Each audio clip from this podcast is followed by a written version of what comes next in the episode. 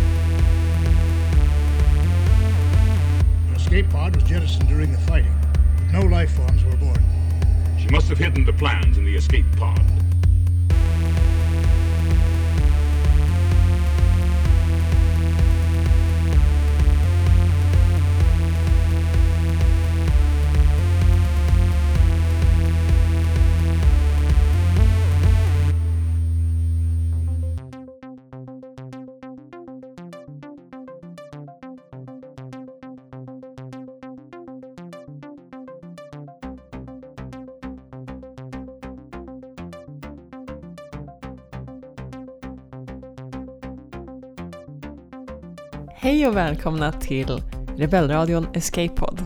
Jag som pratar heter Hanna och med mig har jag också Erik. Hej Erik! Hej. Vilka är vi nu då? Ja, jag tror att du kanske redan har hört, hört talas om oss. Åtminstone om du har lyssnat Jag har tidigare. hört talas om oss. hört oss, det är väl ingen som, är ingen pratar om oss. förvisso. Ni som har lyssnat på Rebellradion tidigare har antagligen hört oss prata massa gånger tidigare. Eh, för er som inte känner till oss, som har börjat lyssna på Rebellradion på sistone, så var vi alltså med i den ordinarie Rebellradion i några år, eh, fram tills i december förra året. Eh, sen så föddes vår lilla dotter och då har vi inte riktigt haft tid än. Och eh, det är inte riktigt så att det känns som att det är läge att komma tillbaka dit för nu har vi en sån grymt bra ordinarie Rebellradion så där vill vi inte hålla på och peta längre. Så att vi tänkte att vi provar det här, ett slags nytt litet sidoprojekt där vi är bara jag och Erik här eh, som en liten systerpodd till Rebellradion. Det kan också vara så att vi ibland kommer att plocka upp ämnen som de tar upp i den ordinarie podcasten. Men jag skulle tro att det här blir kanske egentligen inte så mycket en ska man säga, nyhetspodcast utan mera en vidare diskussion. Att det är det vi hoppas kunna fokusera på. Ja, precis. Att vi kanske plockar upp saker som de nämner och använder det som en språngbräda för djupdykningar. ja? Ja, precis. Vi har ju märkt det att ehm, även om vi kanske inte har så överdrivet mycket tid längre så är man ju fortfarande ett tydligt Star Wars-fan och särskilt nu när man sitter och lyssnar på den ordinarie podcasten så blir man ju så himla sugen på att prata om Star Wars hela tiden. Så vi kunde ju liksom inte bara ge oss utan vi bara, nej men nu, nu kör vi. Så att vi får se vad det här blir. Eh, Men för vår egen del så ser vi fram emot det. Hörru du, eh, det sista vi gjorde, om man säger så, Ja. innan, innan vi fick barn, och då, i och med det så blev det ju lite frånkopplat ifrån Star Wars. Ja. Det sista som hände var ju typ att eh, vi såg Episod 7. Ja, så det är ungefär bara- där vi är. Och sen bara, hej då! Vi var ju nästan på väg att vara med i januariavsnittet också där de djup, djupdök lite mera i Episod 7 vad, den, vad man kunde liksom spåna vidare om vad det fanns för teorier och grejer. Eh, jag hade ju massa idéer och ämnen på gång där men sen så kom vi på att åka iväg en timme och spela in podcast när jag redan fått verkar kanske inte var en jättebra idé. Så att vi fick ge oss faktiskt. Så att Ja. vi är fortfarande lite mentalt kvar i Force Awakens men jag tror inte att vi kommer att fortsätta så himla mycket där utan det blir nog en Nej. vidare prat Alltså om jag känner lite grann så här om att typ så här, alltså att man kommer tillbaka från sommarlovet och sen så var man en tönt i skolan och nu så har ens kompis gått och blivit Cool. cool. det har ju verkligen blivit en helt annan, en, ett helt annat företag på Ja, senaste absolut. tiden. Det är händer verkligen så otroligt mycket. väloljat och eh, enormt. Ja. ja, men det har det ju varit länge men det börjar ju synas bara mer och mer nu och i och med Rogue One och i och med vad som hände efter Force Awakens och så, där, så att det är ju tydligt att det här är ju någonting gigantiskt som Ja. är på gång. Eh, jag tänkte att vi på tal om det här med att liksom, vi är föräldrar nu, en annan fas i livet och så vidare. så tänkte jag att vi kanske kunde fundera lite på så här, i vilka faser i livet passar sig Star Wars bäst? Det, det blir så lätt att man tänker att Star Wars-fan ser ut på ett visst sätt, har ett visst kön, har en viss ålder och så vidare. Men samtidigt märker man liksom när man träffar bekanta att man kan liksom man kan hitta ganska gamla personer som har jättestarka Star Wars-associationer, man kan hitta små barn som har det och sådär. Och Star Wars fungerar ganska olika beroende på ingångspunkt och ålder och så vidare. Ehm, så jag tänkte att vi kanske skulle försöka liksom lista lite vilka, vilka faser i livet är de allra bästa för Star Wars? Som en liten mjuk, mjuk start. Jag är lite på gång i huvudet, men vad säger du Erik? Du måste ju fundera på det här också. Ja, jag minns en gång för länge sedan eh, på en, en av mina förra arbetsplatser. Då satt jag och pratade med min chef som var, då var han, eller nu också då, var han eh, 20 år äldre än mig ganska exakt. Och han hade med sig sin son som var ganska exakt 20 år yngre än mig. Mm. Och vi tre satt och pratade Star Wars. Eh, och det kändes ganska unikt faktiskt. Om man jämför med många andra fenomen i populärkulturen. Ja, visst. Eh, att det finns... Man kan, det är ju klart att det är annorlunda när man är liten till när man blir ja, lite mindre liten. Mm. Eller större eller vad man ska kalla det för. Det känns som att när man har kommit till en viss gräns så händer det inte så mycket mer. Nej. Alltså om du är till exempel, jag vet inte när man ska börja med att titta på originalfilmerna, men det finns ju väldigt mycket Star Wars som är anpassat för en publik som bara är ett par år gamla. Ja. Nu våran dotter föddes januari 2016. Inte riktigt där ännu kanske. Nej, och jag tycker inte att man ser någonting. Det finns ju typ ingenting. Alltså jag menar, när vi åker och ska köpa någon leksak eller kläder åt henne. Babygrejer finns det inte så mycket Star Wars där, så kan vi säga. Absolut. Och det existerar väl säkert på någon obskyr hemsida, men för jag har sett såna här bodys Mm. med Star Wars på.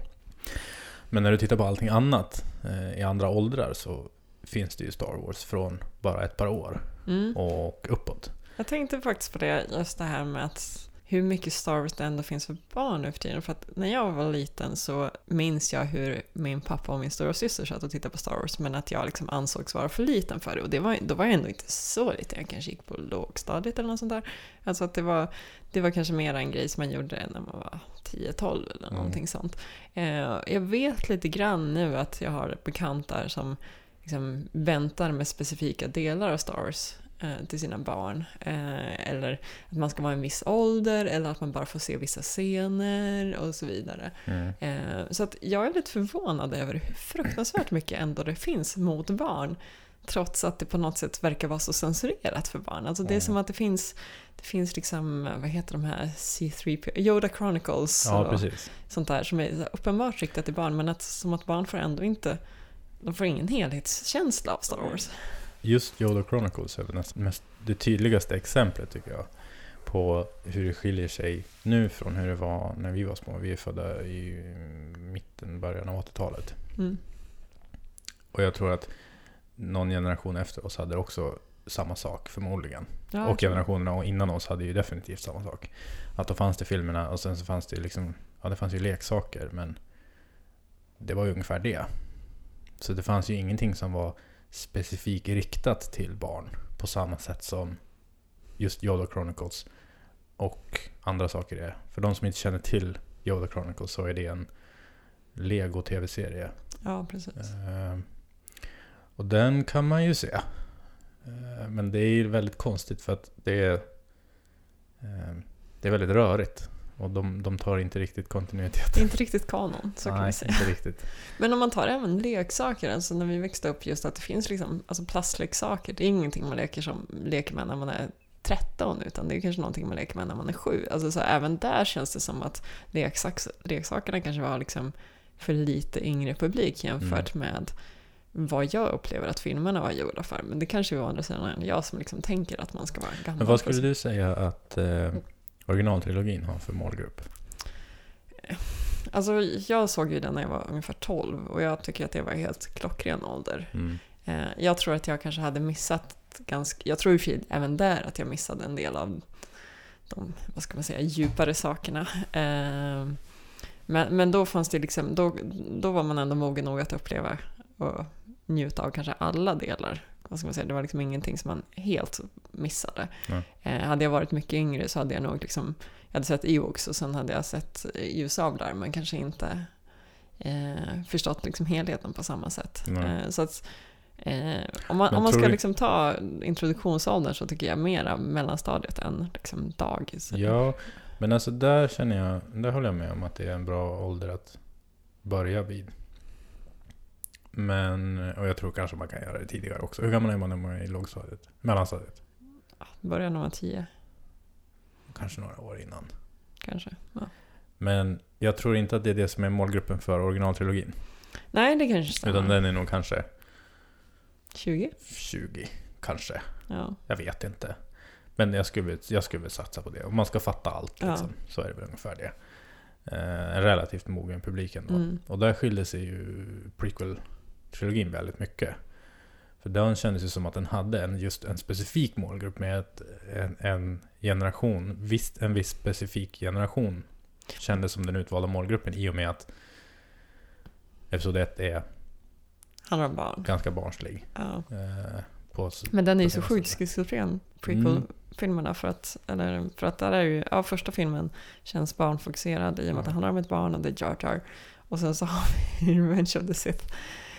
Som inte Men om du tar dem, om du tänker på när de, hur lång tid det var emellan. Ja, ja, ja, Eh, okej. Så att Så man ska om du var kanske upp. åtta när du såg Episod 1 Mm, och sen, vad blir man sen då? Kanske 12 ja, när man såg Episod 2 som ändå är lite vassare även fast den är ganska mild. ja. Och sen, ja, vad blir 16 kanske. ja, det är ju lite som med Harry Potter. när du man växer ser Episod 3 samtidigt. och den är ju jag skulle väl gissa på att den passar ganska bra för en 13-åring. Och liksom, det är väl kanske ungefär vad en 13-åring tänker på. Ja. Eller, Så- Sa gubben. Ja, precis. Gå in i ett tempel och hugga ner. Och, ja, nej. Men den är ju liksom... Om, jag, tror, jag tror att den kan vara ganska tilltalande. Att de kan känna Ja. att så här, "Ja, men det här är någonting för mig. Ja. För den har ju sina väldigt mörka stunder, men 16-åringar gillar ju det liksom. Ehm, Det och det, och så, så gjorde ju inte de förra filmerna. Nej. Eller de, komman, de här filmerna som Nej. kommer nu känns ju inte heller så. Det, får, det är ju för tidigt att säga vilken målgrupp, eh, vilken målgrupp de moderna filmerna har. Mm. Det verkar ju vara... Men det känns mörkare också överhuvudtaget. Ja, men de har ju... Där kan man ju gå in på, och det kan jag ju bolla över till eh, våra filmvetare Robert och Daniel att ta upp i någon annan podcast. När det är en film som ska... Det är typ att man delar upp det i tre olika målgrupper. Ålder Ja, och kön och sådär. Och sen så är det en sån film som är riktad åt, åt alla. Eh, och det heter något speciellt, speciellt som jag inte kommer på nu. Eh, så var ju inte Episod 1. Nej, nej, nej, det är sant. Eh, episod, eller gamla trilogin känns ju som att det var lite så. Eller Mm. att de bara kör det, jag vet inte. Ehm, men då är det ju fortfarande från och med här. Alltså från och med kanske 8-10 Mm. och sen ingenting innan. Nej. Och så var det ju när de filmerna kom kanske. Medan det nu finns Nu, nu kan du ju börja småttingar som som småttingar. kan börja, om de vill hålla på Ja. med Star Wars, så finns det Mm. liksom väl, väl, verkligen barn Star Wars att ägna sig åt. Det jag tänker på också som, alltså det finns ju ett ganska, eller vad ska man säga, social aspekt kring det hela. Eh, att om man nu fokuserar vi mera på kanske handling och när man är mogen att se de olika filmerna och sånt. Men det finns ju också liksom stunder i livet och Star Wars verkligen gör sig gott för att liksom förstå vad man själv är och försöka hitta andra som man passar med och så. Eh, jag tänker just det där, nu var vi inne på liksom tidiga tonår kanske något sånt där. Det är ju verkligen tiden då du försöker hitta vem du själv är, du försöker liksom definiera dig, gärna ha en liten eh, titel på det, eller liksom, vad säger man, label. Eh, att, Hitta ett fack. hitta ett fack, ja, och att vara ett Star Wars-fan är ett ganska enkelt sånt fack. Framförallt nu för tiden när internet finns. Ja. Att liksom, du vet hur du ska söka dig till andra som är likasinnande. Det finns otroligt mycket merchandise och eh, lite så. så att eh, om du går på en skola på en Star Wars t-shirt och det är liksom någon annan i 8B som säger ja, ah, schysst t-shirt. Då har du direkt någonting att börja prata Ja. om och det är ju faktiskt otroligt tacksamt i vissa åldrar att ha Ja. en sån grej. Och jag känner liksom, till exempel, ja men säg högstadieålder, där har du verkligen en sån där där du börjar liksom försöka hitta vem du är. En annan sån där, vad ska man säga, social aspekt när det kommer till Star Wars Fandom är, tänker jag, när man är kanske lite äldre och försöker hitta någon slags livspartner. Eh, för nu säger jag inte att man behöver dela alla sina fritidsintressen, men Talar du av egen erfarenhet? eventuellt. Men kan man få dela sin Star Wars-intresse, då är det himla gött. Så att eh, om man kan så Har man inget annat så kan man i alla fall prata Star Wars. behöver inte vara så mycket mer så. Men varför inte? Så jag känner att Star Wars är viktigt även i åldern någonstans mellan 20 och 40. Men vad har vi mer för åldrar? Alltså nu pratar vi fortfarande om ganska tidig, tidiga faser i livet. när man ska hitta sin. Nej, jag menar, när kan Star Wars vara viktigt? Är det även viktigt om man är säg, 50, 70? Det får vi se. Det får vi kanske se. Det kanske inte har kommit så många i den åldern. Nej, 50 jag tycker att det känns som absolut. att man eh, kommer till en viss gräns. Mhm. Alltså när du har nått, när du är vuxen, nu kanske det är jävligt barnsligt att säga det. Men alltså jag menar, när du är ett litet barn så finns, så är Star Wars en väldigt specifik sak och det är ganska begränsat. Mm. Sen blir du ett, ett äldre barn. Mm. Då kanske du lämnar det som var rikt, alltså barnspecifikt Mm. och börjar ta del av lite av det, vad ska kalla det för riktiga Star Wars då. Mm. Och sen när du blir stor, eller vuxen, då har du ju allt. Ja. Och då, då är det liksom klart. alltså det som, ja, det, jag tror att jag förstår vad du menar, för att det expanderar ju också till, säg, ja men ta det vi har pratat om innan, X-Wing, eh, brädspel. Jo, Eh, det spelar ju folk i ganska stor spridd åldrar. ja. Alltså jag menar, där är det, jag skulle säga att medelåldern kanske är 30-40, men du kan vara 50 och det skulle inte vara några konstigheter. Heller. Alltså jag känner mig så himla dum som bara, nej men det pikar ju när man är när man är 30. Och sen så, sen finns det inget mer. För, Kanske du när man råkar, är 40. så för att du råkar vara den åldern Ja, du är precis. i. Och känner några som är lite äldre liksom. Ja, nej men jag tror nog att det kan fortsätta länge. Ja, alltså det är ju- vore ju konstigt om man skulle bli 70 och bara, nej nu tycker inte jag om saker längre. Ja. Det skulle ju vara kul att höra om liksom sådana som var rätt så gamla redan från början när filmerna släpptes. Alltså, jag menar, säg då att vi är 30-40 någonting. Mm. Eh, det hade ju inte varit jättekonstigt att se filmerna då på 70-talet och gilla dem. Eh, har man då till exempel fortsatt älska dem? Eller, eller ansågs det då vara barnfilmer så att man kanske inte var någonting för 30-åringar? Mm, De vuxna som jag har pratat med, eller de liksom, eh, hur ska jag förklara det här nu då? När jag var ovuxen Ja. och pratade med vuxna som var vuxna när Star Wars kom. Mm, Alltså typ mina föräldrar och mina, just det. Inte mina morföräldrar, men den generationen. Mm. Och liksom, ja men vad tyckte ni om Star Wars när det kom? Så var det ju många som inte ens, alltså liksom inte ens, inte ens, Kände till liksom. de, Ja. så, de, har, de har ju hört det. Mm. Och så här, det var någonting som ungdomar Ja, gjorde, ja. men vi Mm. var vuxna. Och nu för tiden så finns det ju väldigt, utrymme, väldigt stort utrymme för vuxna att ägna sig åt det som är, tidigare har ansetts vara ganska barnsligt. Just det, Alltså typ superhjältefilmer och Star Mm. Wars och sånt där. Det är ju det är sant. det är väldigt tillgängligt för folk i alla åldrar. Mm. Alltså inget, ingen övre gräns att ägna sig åt. Och förr i världen så ägnade sig inte vuxna människor åt barnsliga saker i lika stor utsträckning. Nej, det är sant. Det var ju absolut inte socialt accepterat. Det skulle också vara ganska kul att veta liksom, Med det sagt så finns det ju säkert hur många undantag som helst ja, på de som var 55, 60. precis. Ja, men tänk då de här som inte då, säg, säg då liksom att de var i 30-årsåldern när de första filmerna kom och Mm. då hade de fullt upp med annat eh, och det var liksom inte en sån grej man ägnade sig åt. Eh, säg då, ja men säg nu när Hur gammal är 7 man om man var 30 1977? Ja, det då är du 69 nu. Då är man ju bara barnet. ja, nej men säg då, säg att du gick och såg Episod 7 som på premiären och inte känner till de andra så mycket, alltså så här följer med något barnbarn eller någonting. Tänk om Ja. man så här liksom nu så bara oj, vad är det här som alla har pratat om i Sådana alla... känner jag. Det skulle vara hur häftigt som helst för Mm, att höra jag några ska se om sådana. jag kan eh, rycka tag i någon. För att jag har ju varit ett Star Wars-fan hela mitt liv. Och eh, det är ju många år som en Star Wars t-shirt inte har genererat någon uppmärksamhet. Ja visst. Och sen kanske mot slutet av mitten av 2000-talet.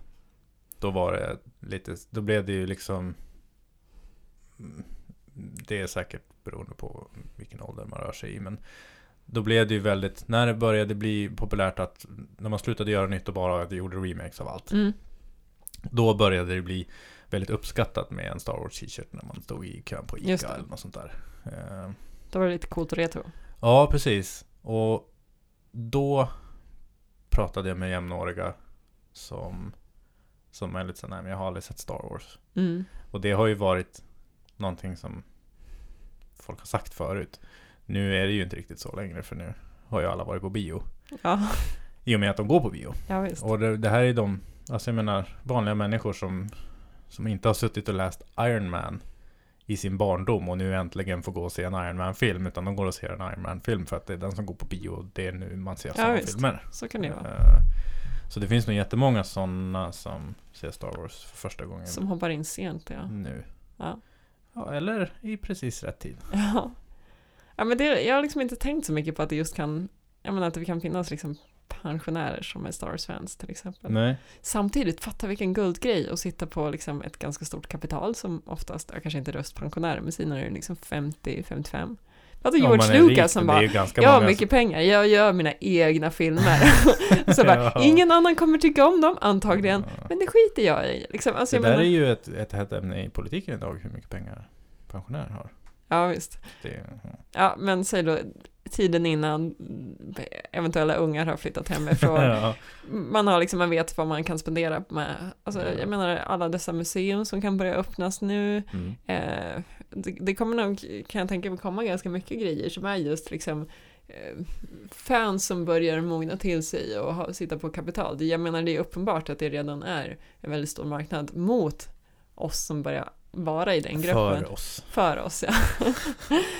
eh, men jag tror att det kommer synas ännu mer, inte bara att George Lucas gör sina egna fanfilmer, utan att det, liksom, jag tror att det blir bara större och större projekt för att det kommer finnas resurser för George det. Lucas göra egna Ja, men jag menar, han har ju redan gjort det i med prequels när han var... Va? ja, men jag menar att när han var Ja. 55-60 så Ja. bara, ja men nu vill jag göra mina egna filmer, jag har en idé i huvudet. gjort de första filmerna. Ja men, då det var ju då, nu har han ju liksom på något sätt suttit och Nedgraderar du prequels till fanfilmer nu? Nej, jag tycker om, jag tycker om prequels. Men, förstår vad jag menar? Man kan göra så här roliga egna projekt där man Ja. plötsligt har uh, fånigt mycket pengar. Eh, så det kanske Som man har. liksom, jag fattar inte. Men ja, ja, okej. Ja, ja. Jag tror jag förstår vad du menar.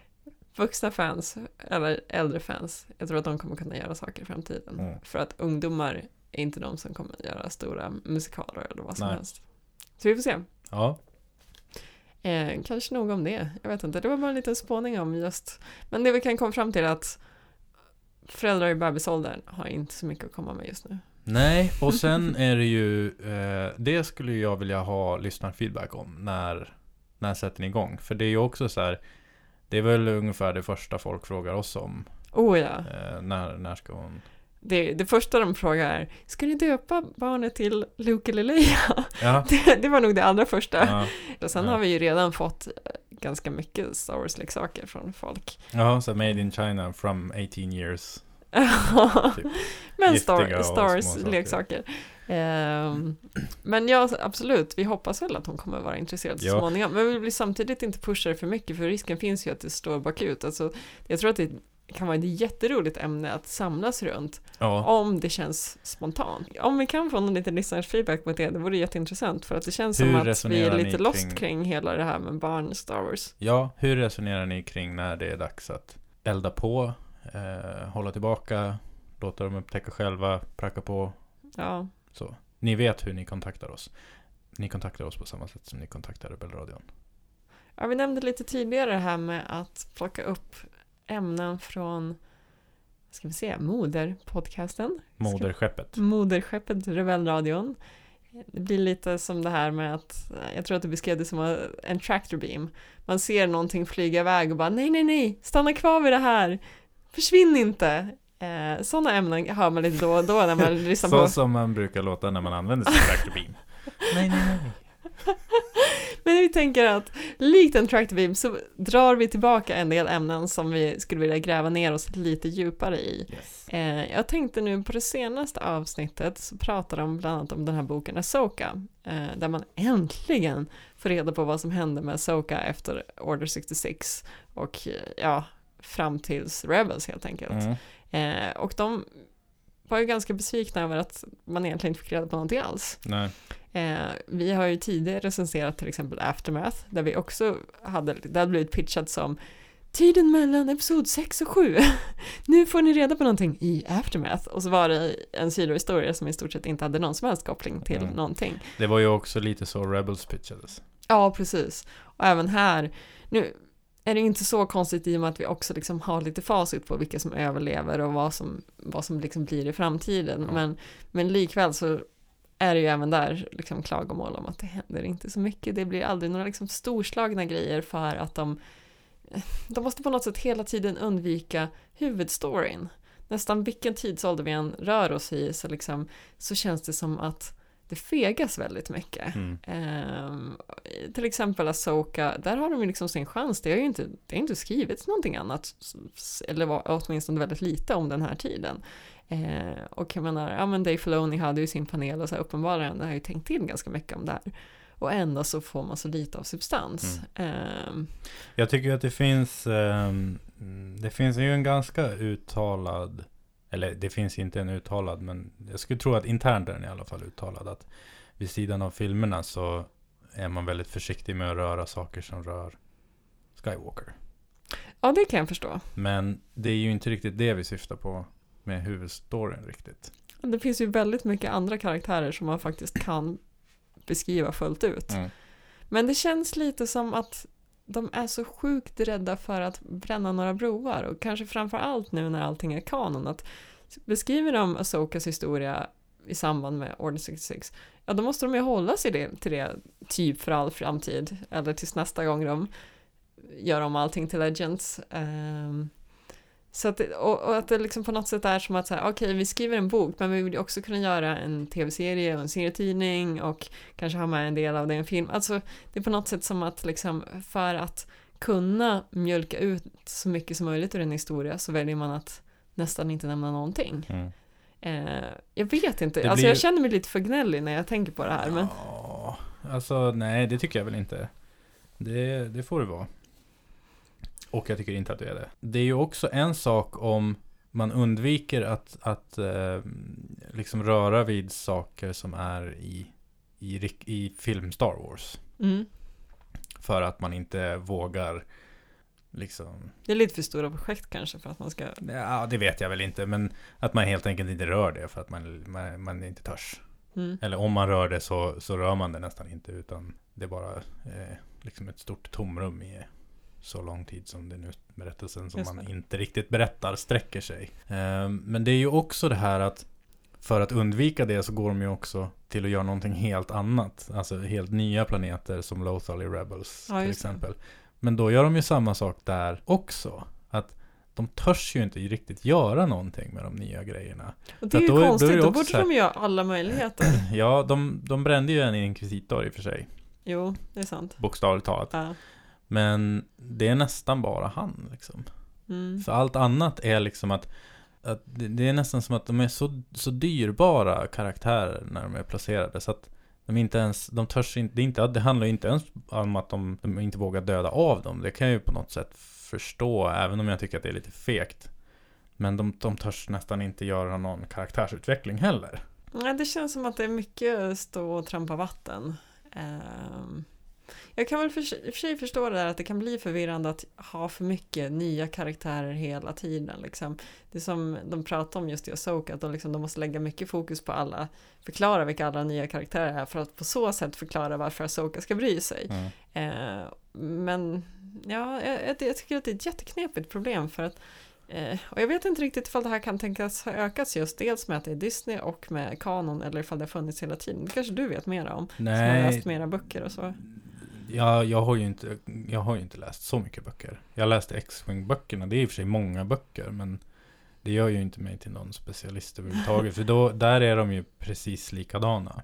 Okej, Så att det här är ju inte någonting nytt alls. Eh, utan det är mycket, då hade de liksom visserligen ett par gamla namn, men nya karaktärer fanns liksom med för alltid. mm, Eh, och de var väldigt rädda för att göra saker med dem. just det. Eh, det var som inga drastiska grejer. Och, och, så det blev liksom att ja, jag tycker nästan att Grievous är kanske bästa exemplet. Mhm, Om du tar Grievous i Clone Wars. mm. Så är det liksom, ja Grievous kom undan den här gången också. Där vet man ju i och för sig, vad ska man säga, facit också. Jo, det är ju ett problem. men det är ju väldigt tydligt. Ja, Alltså, De kanske inte skulle ha varit så nära så många gånger. För nej, det blir, det blir lite, lite fånigt. det blir lite löjligt liksom. Ja. Men, alltså jag menar, om jag känner mig själv bra som Star Wars-fan så är jag, jag vill ju bara ha mera Star Wars. Det är ju liksom min, min plats. Så jag kanske inte, alltså jag, det handlar kanske inte så mycket om att vilja ha eller behöva och sådär, utan jag vill bara finnas där en liten stund. Mm. Så att jag vill, jag vill, få, mina, jag vill få 25 minuter i universumet. Men jag vill inte se samma liksom Clone Så det här Wars-pilot blir om ett och sätt om att igen. på något sätt expandera världen Ja, utan att liksom och då går det ganska fort. göra det för smalt. Ja, och då går det ganska fort om de tar Grievous. Jag vet ju, jag kan, jag känner ju honom. Mm. Jag vet ju vem han är liksom. Och jag vet vem klonerna är allihopa.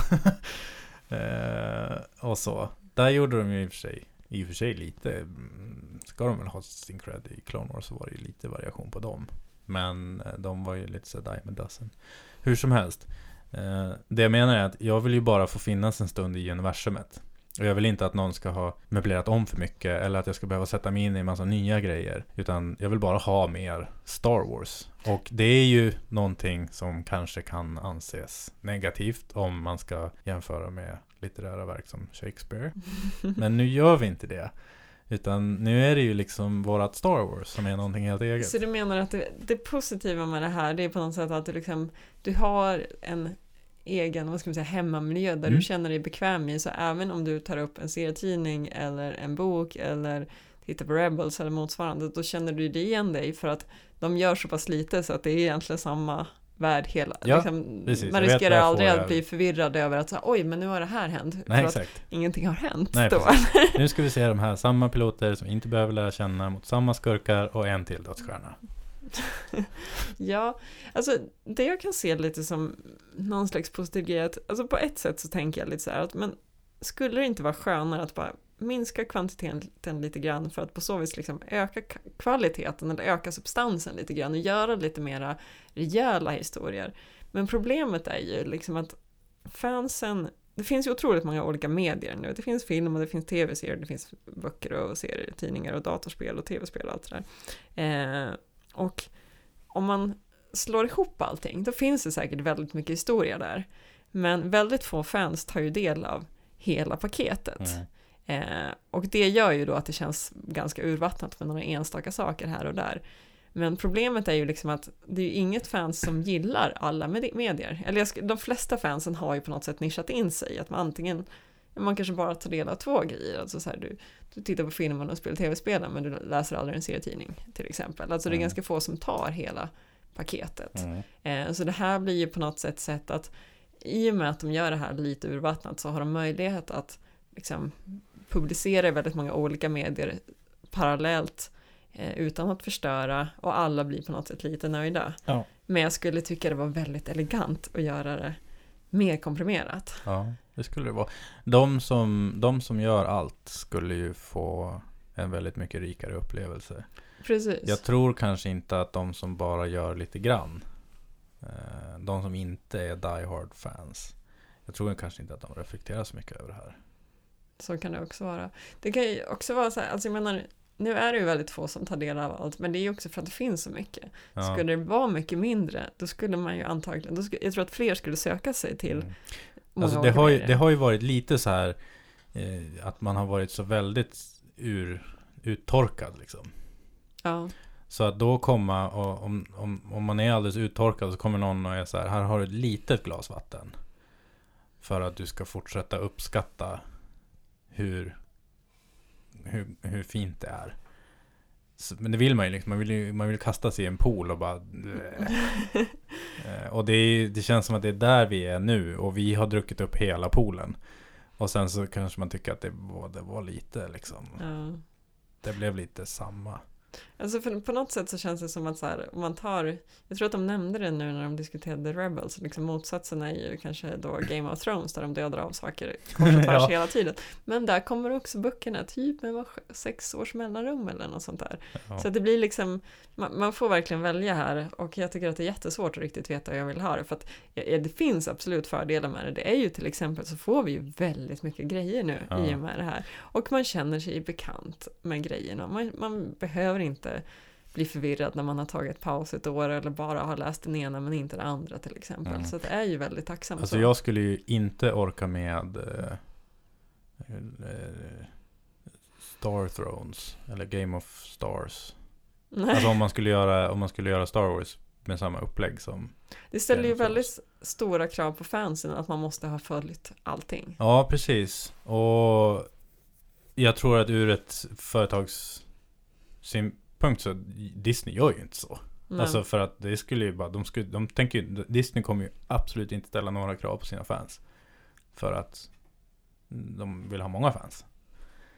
För att, alltså jag menar, ett, några som sitter hemma på kammaren och längtar efter nästa bok, de är inte, de är inte en så överdrivet stor köpkraft tror jag. På samma sätt som de som bara vill se Tony Stark en gång till. Genius, billionaire, playboy, philanthropist. Det jag tänkte på också så här, det finns ju också gånger då det har, då man har grötat ner sig lite för mycket och lite för nära huvudstoryn. Jag minns till exempel hur Robert kom att vara väldigt upprörd över, jag tror att det var den här serie, TV, eh, serietidningen som heter Star Wars, Mm. där Vader och Luke möts eh, mellan episod 4 och 5 eh, i en fight eller motsvarande. Ja, Eh, och det här ska ju inte ske för att Nej, liksom, de ska ju mötas för första gången ja. eh, i Cloud City.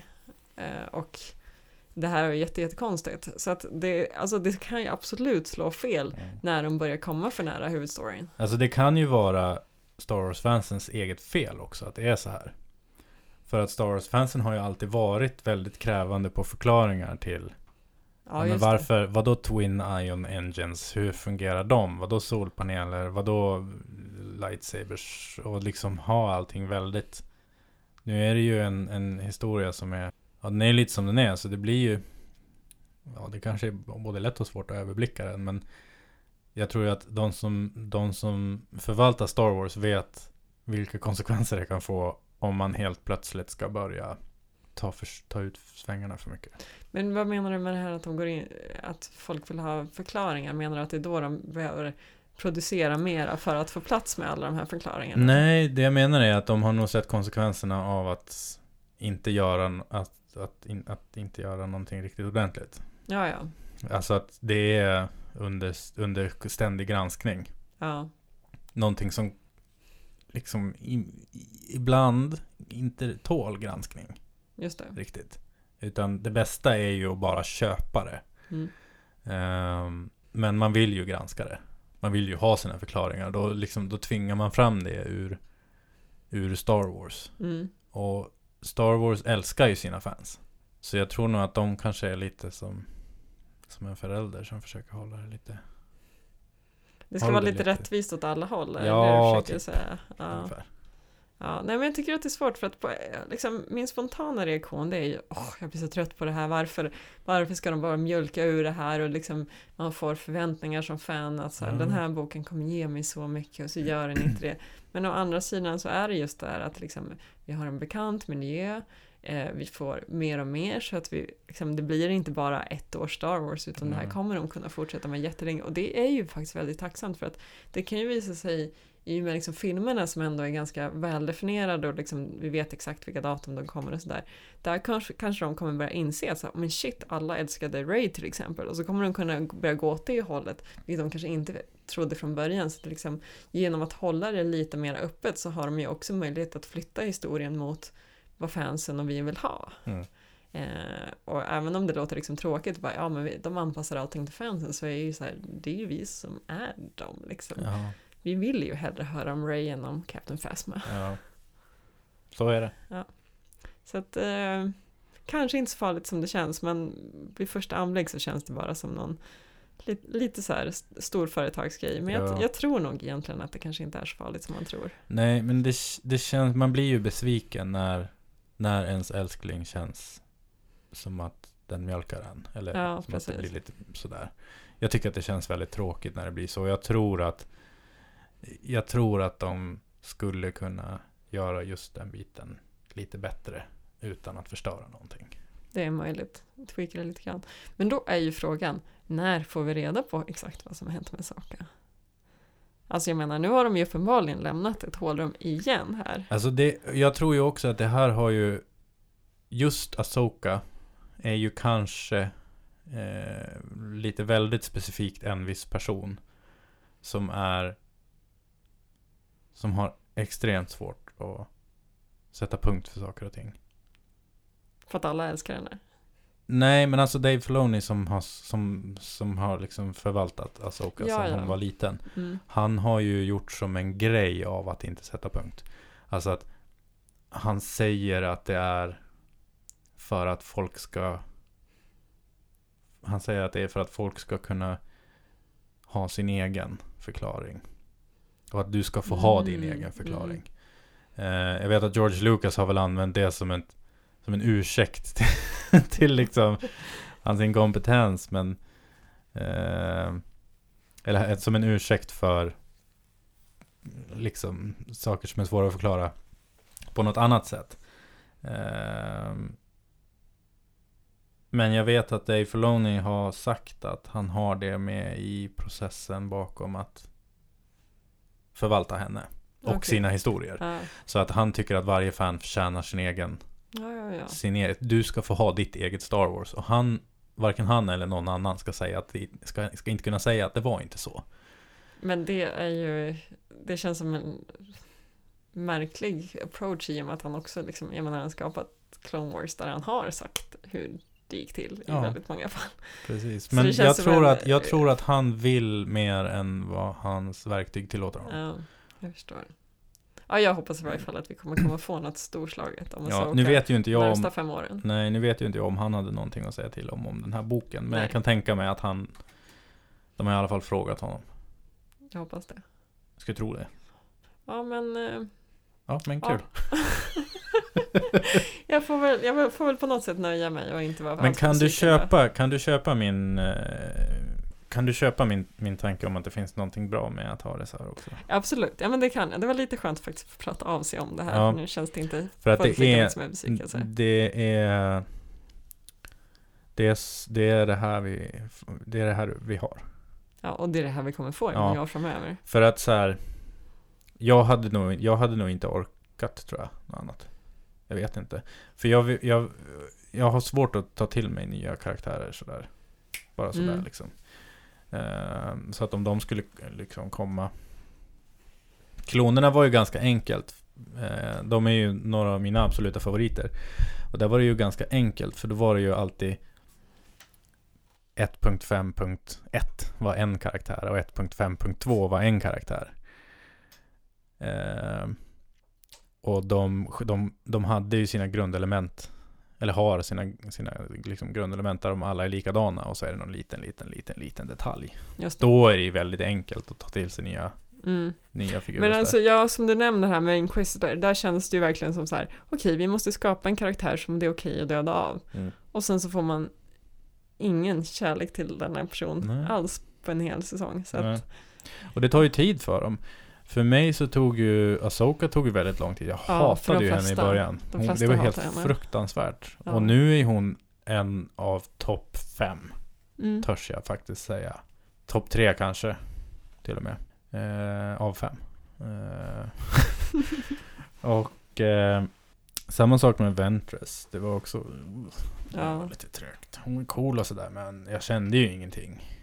Eh, jag kände nog samma sak för henne som med Inquisitor i, när Rebels kom. Att man var lite såhär, ja men nej, Det är bara en skurk. det är bara en skurk. Men sen liksom, sen fick det gå 150 gånger.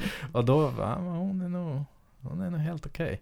Däremot, om du tar, eh, eh, ja men när vi är inne på henne då, ta Mother Talsen. Mm. Mm, kanske, nej jag vet inte. Okej. Savage och Press, nej. Nej, inte så i alla fall. Nej. The Thousand gillar jag i och för sig. Men... Ja, men Ja, jag Ja. tror jag förstår vad du menar. det var ju så här, jo visst du gillar jo, alltså hon var ju en bra figur. Men så här, känner du verkligen? Ja, Det är ju bara utifrån Ventress jag bryr mig. Ja, precis. Så att man skulle ju inte vilja se så här liksom en dag i hennes liv skulle jag inte. Nej. Liksom, Medan jag skulle kunna, skulle, skulle kunna se en dag i Obi-Wans liv när han sitter på en klippa och tittar på Luke typ. Och sen behöver det inte vara något mer än så, för att jag bryr mig om honom som Ja, jag förstår. gubbe. Ja. Så jag tror nog att det är bättre så här. Om vi får välja. Om det måste vara antingen Star Wars eller Game of Thrones. Mm. Så, så, så gillar jag ju Star Men kan Wars. vi inte få praoa lite Game of Thrones? Eller liksom... Jag skulle, det skulle vara så kul att bara se ett år av liksom Star Wars of Thrones. Ja. Och bara se vad, Jag kan vilken f- sörja det blir i slutändan. Ja. Jag kan förklara hur Star Wars of Thrones ett år senare då. Alla är döda. Men vad mycket nytt och spännande vi har fått lära oss däremellan. Det var, och det, var, det var jättemörkt och jättehemskt och alla blödde och det var bara jobbigt. Okej, okej. Ja, ja. Okej. Kommer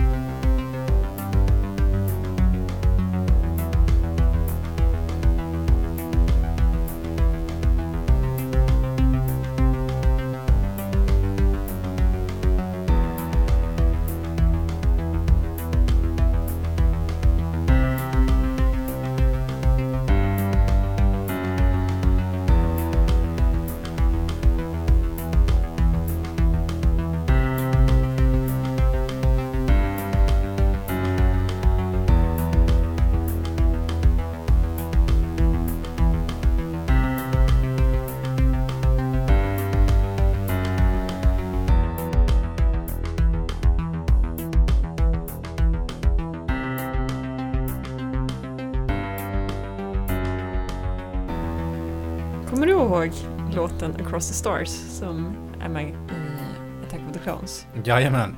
Det är en ganska romantisk, nästan lite tårdrypande eh, kärlekssång då som ska symbolisera Anakin och Padmes kärlek. Och jag hörde nu i senaste Star Wars Oxygen att den dyker upp 25 gånger i, i Attack of the Clones.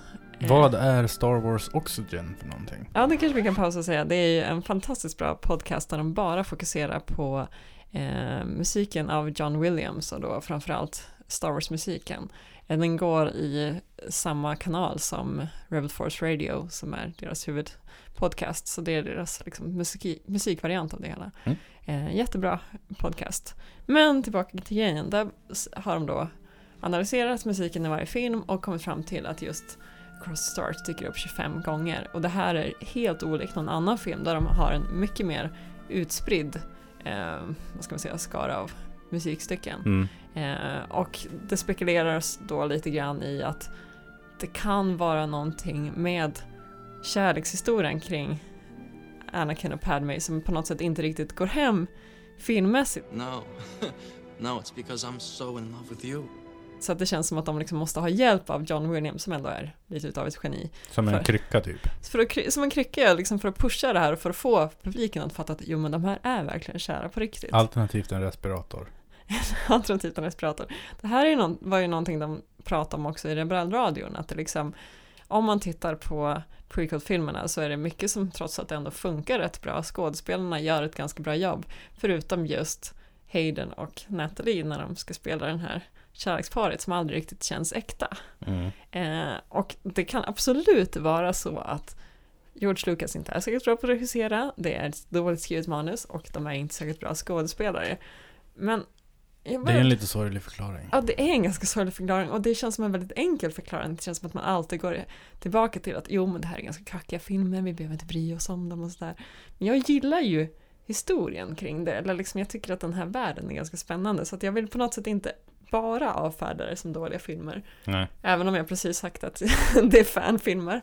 Eh, Men eh, så jag börjar fundera på liksom, kan det finnas någonting i deras kärlekshistoria som liksom skaver även inne i filmerna, eller vad ska man säga, i historien i sig? Alltså, är det någonting som är konstigt Mm. med att de blir kära, som inte bara är hur det porträtteras på vita duken? Och- Där det är lite konstigt. det är väldigt konstigt och väldigt stiltigt. För att alltså, om man börjar med episod två i i början där så liksom är det tydligt att Anakin är ju kär i Padme och han har varit det sedan de träffades. Ja. Eh, Are you an angel? What? ja, men liksom, han träffar henne som litet barn, han liksom ser henne som den här häftiga, häftiga drottningen, hon har någon slags mammaroll för honom, hon är liksom väldigt trygg, hon eh, fyller väldigt många funktioner, det är på något sätt inte så jättekonstigt, det är liksom framförallt också en av de första tjejerna han typ träffar överhuvudtaget. Alltså den biten är ju inte, det är ju inte konstigt. Det är ju inte konstigt att Jag hade Anakin- också blivit kär i henne. Ja, men absolut. Eh, det som däremot är konstigt, det är varför blir Padme kär i Anakin? Mm. Det ska väl lite. Och som, som sagt, det här, det här kan bara vara jättedåligt filmskapande.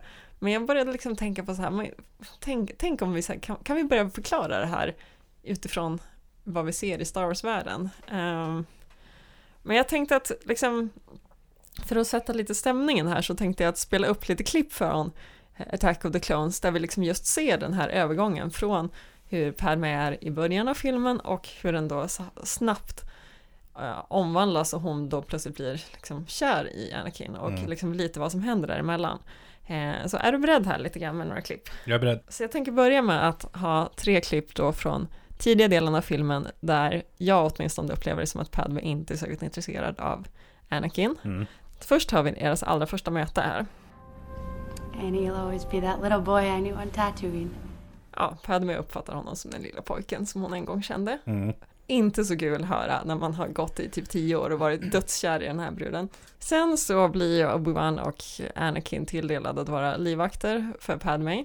Och eh, det är den här scenen då när hon ska sova på natten och eh, blir utsatt för ett eh, mordförsök. Men innan dess så diskuterar Obi-Wan och Anakin det här lite grann Mm. medan hon sover. Mm. Han säger då så här.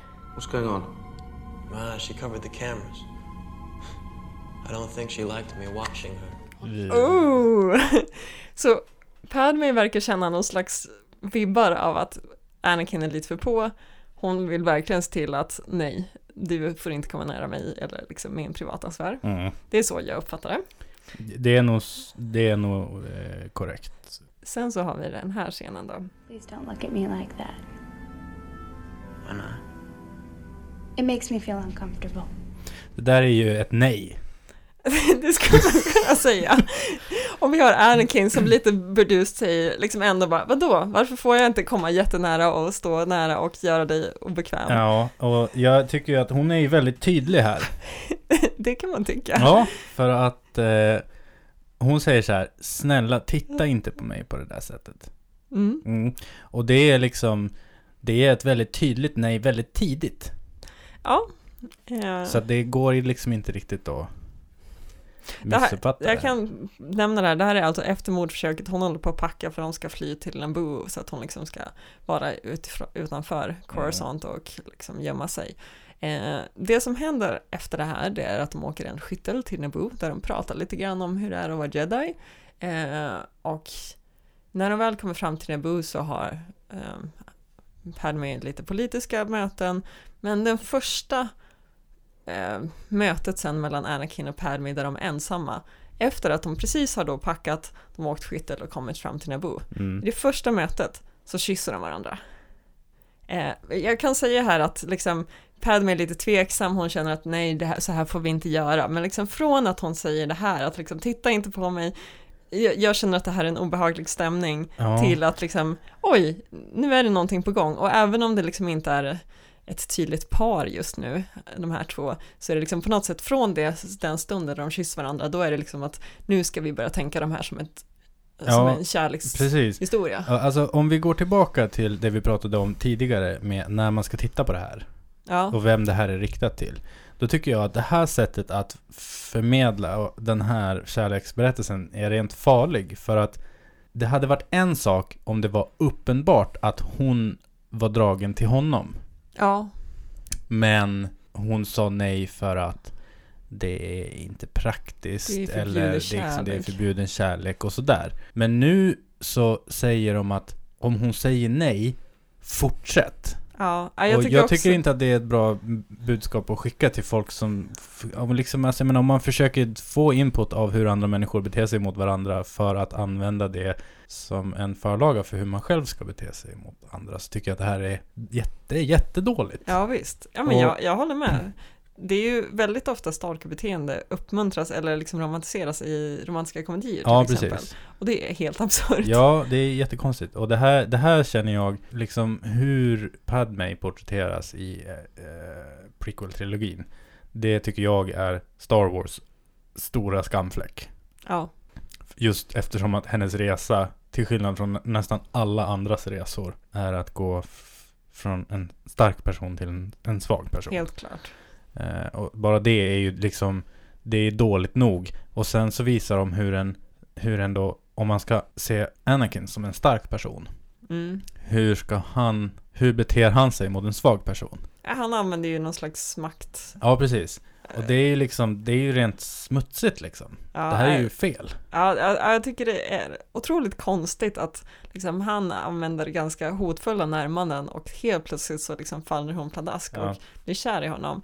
Eh, Det här, som, som sagt, från den, med den här kyssen som är kanske först efter en tredjedel av filmen någonting, så, så är det ändå på något sätt ett faktum att de här tycker väldigt mycket om varandra Ja. och det här kulminerar då i eh, den här dialogen precis innan de in, ska in på arenan på Geonosis och det Mm. låter så här. Don't be afraid. I'm not afraid to die.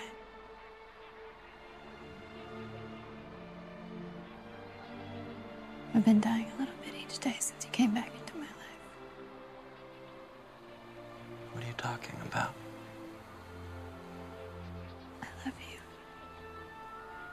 Ja, Ja, så nu är jag det är ju fint. Vad hände? Så här i efterhand. Så det är ju fint. Jag hade ju verkligen önskat att de kunde ha antytt om det här. Ja, alltså på något sätt, om vi nu tror att det Padme säger stämmer, ja, då är det på något sätt, förklaringen kanske då kan vara att ja, men hon kände dragningen direkt, det var någon slags kemi, hon fattade att det här är fel och därför var hon väldigt tydlig med att ta avstånd. Mm. Det kanske bara var så enkelt. Jag känner fortfarande att jag inte riktigt litar på det. Nej. Eh, Just eftersom att hon var så övertygande ja, jag, i början. jag upplevde Hon är mer hon... övertygande i början när hon sa nej än nu när hon säger ja. Ja, precis. Och det här, det här förbryllar mig. Mm. Och som sagt, det kan vara bara eh, filmproduktionen i sig som är det kluriga. Eh, men jag försökte liksom fundera. Alltså det finns ju ett par, om vi ska, om vi ska ta logiska förklaringar eh, bakom scenerna först då. Jaha, eh, okej. Så finns det ju, det finns ju många olika sorters skådespelare. En del är bra skådespelare som behöver väldigt lite regi. En Mm. del är bra skådespelare som behöver väldigt mycket regi. Och en del är hopplösa skådespelare. Ja, Eh, och det kan ju vara en förklaring. ja, Att de här antingen är bra skådespelare som behöver mycket regi, fick väldigt lite regi. ja. Eh, eller så är de kanske mindre bra skådespelare. Jag tror ju inte det. I alla fall inte en av dem. Nej. Har vi ju i alla fall. Jag har inte sett så mycket från Hayden Christensen. Nej. Vid sidan av. Eh, jag tror säkert att han kan skådespela bra. För, och jag vet att Natalie Portman kan det. Helt klart. Långt innan hon gjorde den här filmen. Mm. Eh, och den andra förklaringen är ju till, som med så mycket annat i Star Wars, att det, fanns, det finns inte tid i filmen att förklara allting. Nej. Och det är ju ett lätt sätt att vifta bort det här. Men nu sitter vi inte här för att vifta bort det här. Nej.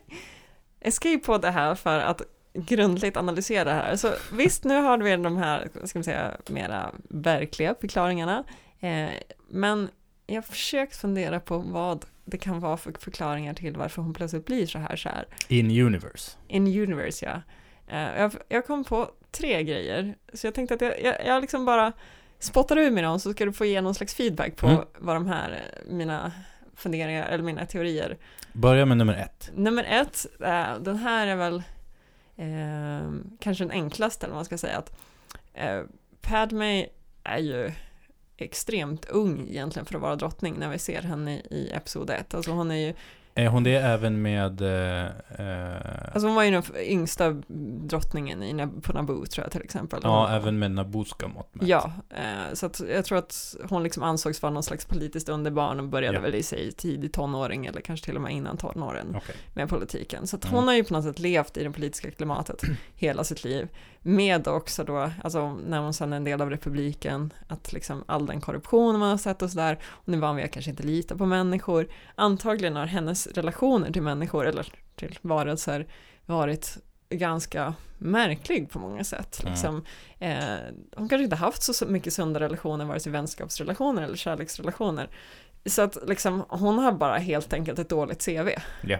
Eh, det är förklaring ett som är ändå på något sätt ganska realistisk och händer i verkligheten rätt ofta, Ja. säga, i vårt universum. Ja. Eh. Så att hon, hon har inte... Eh, hon vet inte hur hon ska, vad hon ska ta sig till riktigt. Är lite så. Och så ser hon liksom, ja ah, men här kommer den här halvsnygga killen som är lite kär i mig. Den här halvsnygga pojken som tre äpplen hög. Jag menar inte i Phantom Nej, Menace, Okej, utan ja, ja, okej. i ja. Attack of the. Yes, okej. Och så här, uppenbarligen är, han intresserad Not av mig. any less weird. jag kanske ska ge honom en chans. Eh, sen har Ja, vi... det är ju faktiskt... Vi har faktiskt rymdskepp. Så Ja, precis. allt kan hända. Allt kan hända. Eh, hypotes två. eh, den har att göra med att hon trots allt lever Men vänta, ska jag lämna lite feedback på nummer ett? Ja, ah, okej. Ja, vi kör så. Ja, jag tycker ju inte att det är riktigt, jag är inte övertygad av den alltså. Nej. För att hon känns ju inte, och det hänger ju ihop med att hon är en så, alltså jag menar hon är ju hon, hon politiskt underbarn eller vad det så. Ja. Inte bara i politiken känner jag. Utan Men alltså hon är en god människokännare. Ja, och hon för sig ju väldigt kontrollerat och hon känns inte som att hon liksom, jag får inte intrycket av att hon är osäker på någonting överhuvudtaget. Det är sant. Utan när hon säger jag vill inte att du tittar på mig på det där viset. Då menar Då hon det. vill hon inte att Anakin ska titta på honom på det där viset. När hon inte vill att hon ska titta, att han ska titta på henne när hon sover, då täcker hon över kameran. Ja, jag förstår. Och liksom, hade hon liksom innerst inne kanske ändå varit lite sugen på att han skulle titta på henne när hon sov. Då hade hon ju inte gjort det. Det är sant. Och vi får ju, vi får ju titta på vad vi har. Och sen så här, ja visst, det vi inte fick se var att hon innerst inne ville det egentligen då, Mm. kanske. Enligt förklaringen som vi får i filmen. Ja. Eh. Alltså, då är, varför skulle hon göra så för? Ja, nej. Det är en sak nej. om hon säger så här, nej. Mm. Wink, wink, nudge, nudge, typ. ja. Men sen täcker hon över kameran. ja, nej men jag Ska hon med. då, ska hon få honom liksom, ska hon ändå så här, ska hon vara lite, då skulle hon ju inte göra det. Då skulle hon ju kanske, alltså jag menar, ja, låt honom titta, jag vet inte. Ja, nej men jag, jag håller med. Jag tycker eh, det här är kanske på något sätt, det, det är den lättaste teorin att ta till sig för att den just är kopplad till ganska mycket av det man kanske ser i, i sitt Ja. vanliga liv. Men jag håller med att det, det matchar inte riktigt hennes personlighet. Men Alltså, så här, säg att det är Fight Club f- upplägget då. Att man inte alls ska fatta att det ska komma som en blixt från klar himmel. Att ja. hon minsann faktiskt var det. Så känner jag att, vi tar Fight Club som ett exempel. Mhm. Då går man tillbaka och tittar och så bara, åh just det. Åh just det. De Det fan- har de inte... här grejerna fanns där hela tiden, Ja, man bara precis. Och så här, de har inte pratat med två personer samtidigt även om de har varit i samma rum. Lite så. Ja. Eh, eller om vi tar den här serien Mr. Robot. ja, just det. Där var det ju också en sån där sak. Mm. Och där, liksom, nu var ju den kanske inte så bra på att dölja det riktigt. Nu är den så pass ny så vi behöver inte gå in så mycket på den. Just det. Det var inget. Fight Club eh, har alla sett. Så att då... Eh, där föll bitarna på plats när det där släpptes. Liksom. Ja. När den bomben släpptes. Eh, I Star Wars... Mm, det faller liksom inte riktigt på plats. Utan man bara va? Ja, lite så. Okej. Ja. Men det är ju lite, ja ja, okej. Och så här, ska det då vara, ska då vara så här, ja men så, så, som, som jag precis har sagt, hon var ju ett underbarn så hon kunde dölja det även för, Ja, jag menar att hon är så politiskt skillad att hon liksom kan kontrollera sig. ja, och så här, ja visst. Men ändå. Du, alltså, nej, jag tycker Nej. jag köper det liksom inte. Ja, men låt oss gå vidare. Mm. Ehm, Teori två, teori två. eh, tes två, te, Te- eller hypotes. hypotes två. Ja, Okej. Teori tror jag ska vara mera ja. bekräftad. Eh, Hypotes 2. Hon är trots allt utsatt för dödshot i den här miljön, eller liksom i, i Attack of the Clones så har Mm. hon liksom Folk har försökt mörda henne flera gånger och hon befinner sig mer eller mindre på flykt. Ja. Eh, hon har en person som ska skydda henne från allt det här farliga. Eh, vem är det då hon liksom söker sin trygghet till? Eller liksom, kan, kan det här vara någonting som på något sätt gör att hon får känslor för honom? För hon ser att han är liksom det som är i vägen, eller är det som hindrar henne från att bli mördad. Mm. Liksom, han är den trygga faktorn som gör att hon klarar sig. Mm. Um, alltså tänk dig lite, det blir lite nästan lite omvänt Stockholmssyndrom eller liksom att så här av att vara i en väldigt konstig situation så reagerar man inte helt logiskt. Jag tror att de som kan psykologi skulle säga att eh, så här kan det bli. Eh, och jag, skulle, jag köper det till 100% om hon blir, känner så för Obi-Wan Kenobi. Mm. Och det kanske hon gör. Det vet vi inte riktigt. Nej, det är ju en precis. annan teori. Så twist nummer 4677 i det här. För att han in, jag, jag, jag känner inte att han ger henne någon trygghet. Utan Men snar, att Anakin är så pass irrationell. Att han, Ja, men han är så pass irrationell och så här, ja men så här, när, vad, vad, när det gäller då, vad gör han då? Han kastas ut genom fönstret, sen är han borta i liksom tre timmar och 45 minuter. Sen kommer han tillbaka och är svettig liksom. Vad, vad fan hände där liksom? Ehm, och så här, det är ju många gånger innan hon säger att Nej men jag har älskat dig ända sedan jag såg dig för första gången eller vad det nu var mm. då är ju hon liksom Jag tycker att det känns som att hon Hon sätter tydliga gränser och Ryggar tillbaka ifrån honom Ja, Så att ja. no. Det, vi kanske, nu har jag hoppat över lite grejer. De har ju rätt mycket diskussioner på Naboo om sin potentiella kärlek och de diskuterar ju framförallt när de väl börjar erkänna att ja, men, vi har båda känslor för varandra Mm. så är hon ändå fortfarande väldigt tydlig med att så här okej, jag är kär i dig men det kommer aldrig kunna ske någonting. Ja, Eh, och han vill ju inte riktigt gå med på det. Liksom. Men, men där är det ändå på något sätt, där erkänner hon ändå någonting. ja. Det är bara det att det är först där hon gör det. Innan dess på Coruscant till exempel, inte så mycket den grejen. nej. Eh, men, men, Men, absolut, man ja. skulle kanske kunna bli lite irrationell just av den här väldigt pressade situationen. Då ska man bli bra i den nationella alltså. Men jag tror inte att det är så jättekonstigt liksom. Nej, nej Jag köper den lite grann Och lite grann inte Men tänk alla så actionfilmer där Mm. det avslutas med typ så här, de två som har känt varandra ungefär två timmar och tio minuter som har varit med om någonting jättejobbigt tillsammans, Typ kyssa varandra. eh, Tänk dig speed typ. Speed, jag tänkte precis Men där, där säger ju faktiskt Sandra Bullock i slutet eh, Att eh, personer vars förhållande är baserat på en intensiv händelse inte håller Och det gör det väl inte, för är det inte så Speed 2 är de Nej, inte tillsammans. det är jätteroligt. Ja, exakt Men, Eh, Om det eh, ändå ja. vore så väl i Star Wars. Ja, precis eh, ja. Men tänk dig motsvarande, det har nog varit ganska många sådana actionfilmer där det liksom plötsligt ja, lite visst, så är det absolut Så ska Ja, man ja, ja. Eh, Så, så det är liksom, Det är ju ett gammalt grepp tänk, tänk dig den, ja vi kör en speed-teorin helt mm, enkelt. Speed-teorin, ja Ja, mm. Eh, nummer tre, den är ju lite mera det vi skulle kunna tänka för, eller kalla för fanteori, som du Mhm. brukar vara allergisk mot, när det spekuleras lite mera djärvt. Eh, och det är att Padme hela tiden har blivit utsatt för eh, Anakins jedi mind trick. Mhm. Så att hon, han gör att hon blir kär helt enkelt. Hon är ju uppenbarligen inte intresserad. Han har ju, han är pubertal, han har otroliga kontrollbehov redan från den här filmen. Eh, inte riktigt van vid att inte få sin vilja igenom och sådär. Frustrerad kille liksom. Och strong in the force. Och väldigt strong in the force. Eh, visserligen sägs det ju att liksom eh, Jedi mind trick kan man liksom bara göra på svaga människor och så. Men säg att man... Han är väldigt strong in the force. Ja, han är väldigt strong in the force, okej då. Ja, men liksom att man ser det så att egentligen skulle hon aldrig bli kär i honom. Men Men, alltså- att han liksom på något sätt påverkar henne till att bli det. Sen kanske inte han håller kvar i, i all evighet, och så hon kanske får en naturlig kärlek, en djupare kärlek till honom sen, det vet jag inte riktigt. Men just att liksom hela den här väldigt snabba övergången från att nästan verka liksom rygga tillbaka till att Mm. plötsligt bara åh jag älskar dig i all evighet. Mm. Eh, för även, även den här scenen på Geonosis när de säger så här, ja men jag, jag kände starkt för det redan det första gången vi sågs. Det känns ju lite som att liksom ljuga för sig själv, så att Ja, precis. Kognitiv dissonans. ja, det är ju ditt favorittrick.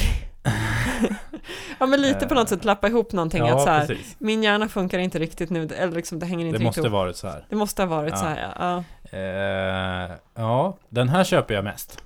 Det är förvånande, du brukar vara väldigt tveksam Nej, till de här men för att den här, den här är ju den enda som går att förklara om du tittar på materialet som vi har. Ja, För att, eh, alltså jag menar, och sen också liksom hur han, hur han tittar på henne och bara så här. This is the boy you're looking for, typ. mm. Ja, det, alltså jag tycker det är en väldigt Så, ja. intressant teori. Ja, hypotes. hypotes.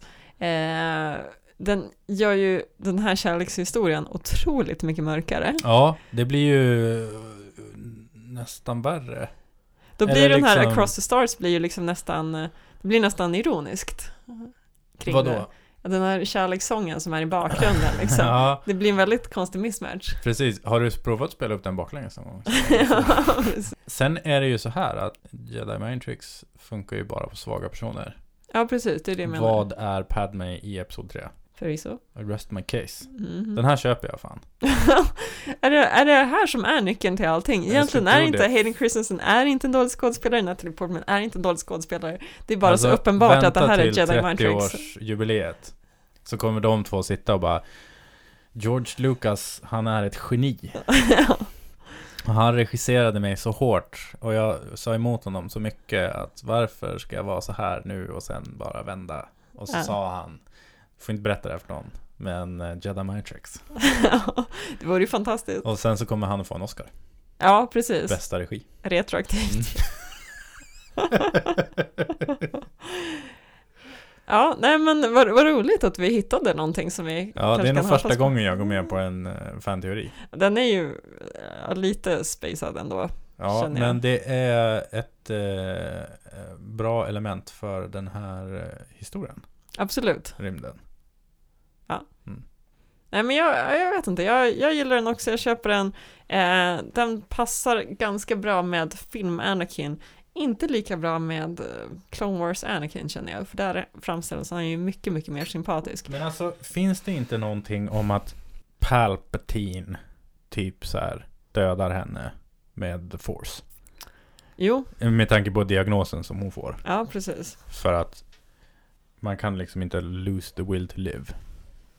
Sa väl någonting om...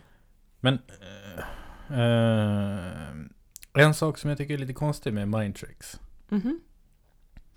Det är hur länge gäller ett mind trick? Ja, måste man boosta om liksom? Mm. Det känns ju som det. Ja, alltså för de räcker ju ett tag. Ja, För man fick ju se typ så här. Ja men typ när Ray görs in på den här Stormtroopern. Daniel Craig. Nej, inte Daniel Craig. Han heter typ så här Ja, men den som han spelar. ST007. ja. Alltså, Ja. Han heter typ det. Jag kommer inte ihåg. Eh, d- för då är det ju liksom, det är ju ett litet tag. Och så så här, ja men och så ska han gå iväg. Och så, här, och så kan man ju lägga till. Mm. And I'll drop my weapon. Mm. Och han bara, and I'll drop my weapon. Mm. Och sen går han iväg och då är jag ju mindtrickad. Mm. Och så för honom så måste det ju vara så att han, han så här, ja men jag ska öppna de här. Mm. Och sen ska jag gå iväg. Och så ska jag släppa mitt vapen. Och sen går han iväg. Och sen menar du att det Men- avtar? Men nej, men alltså jag tänker så här, någonstans så måste han ju liksom komma till en vägg eller någonting. Ja, ja, ja. Vart, vart, han har ju fått, då, så vitt han vet så, så var han så här, men nu ska jag göra det här och så går jag. Mm. Vart, men hur långt går han? Och kommer han då bara, varför gjorde jag det där? Shit, jag måste tillbaka. Och så bara, nej, jag vet inte vad som hände, jag gömmer mig typ. Fatta vad hemskt det vore om det var tvärtom, att det liksom är permanent. Han bara, nej men jag skulle. Alltså liksom, alltså typ att det blir ju motsvarande liksom Alzheimer nästan. Eller Ja, liksom. för jag tänker mig att, har du blivit mindtrickad, mm. då är det som hände då, det är ju ditt minne av det. Ja, precis. Och det du kände då var ju det du kände då. Sen Ja, kanske man kan precis. vara så här, nej men jag vet inte varför jag tänkte så. Alltså jag menar, jag vet inte varför jag blev så ledsen när, när någon, när Olle tog min hink. För det är ju ändå bara en hink. Men då blev jag ju väldigt ledsen. Det var ett jättekonstigt exempel. Nej men ja, alltså typ.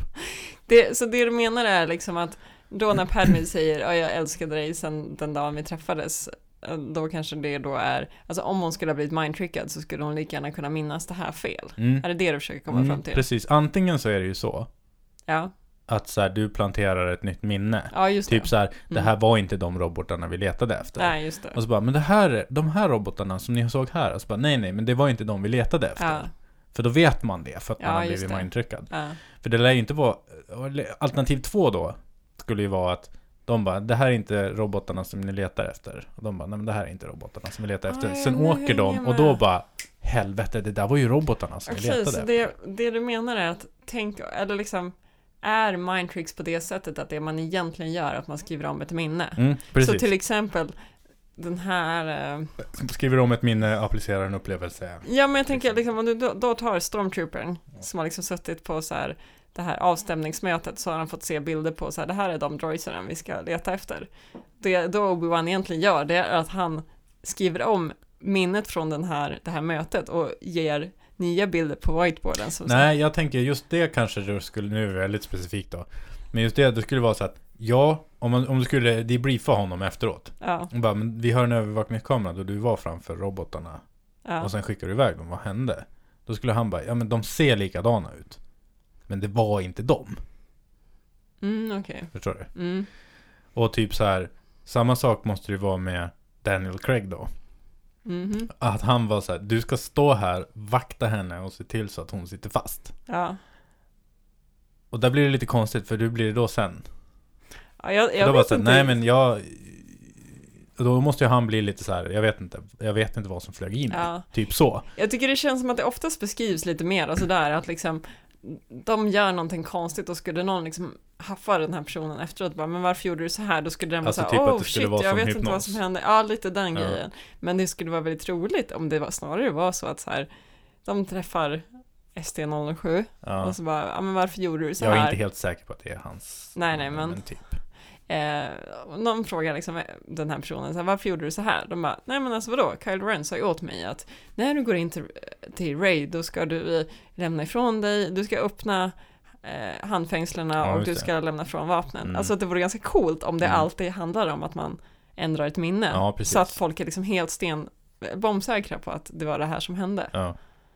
Men eh, jag, jag tycker inte det har beskrivits så. Men det Men om kul. det skulle vara det, då funkar ju Padme Ja, absolut. grejen.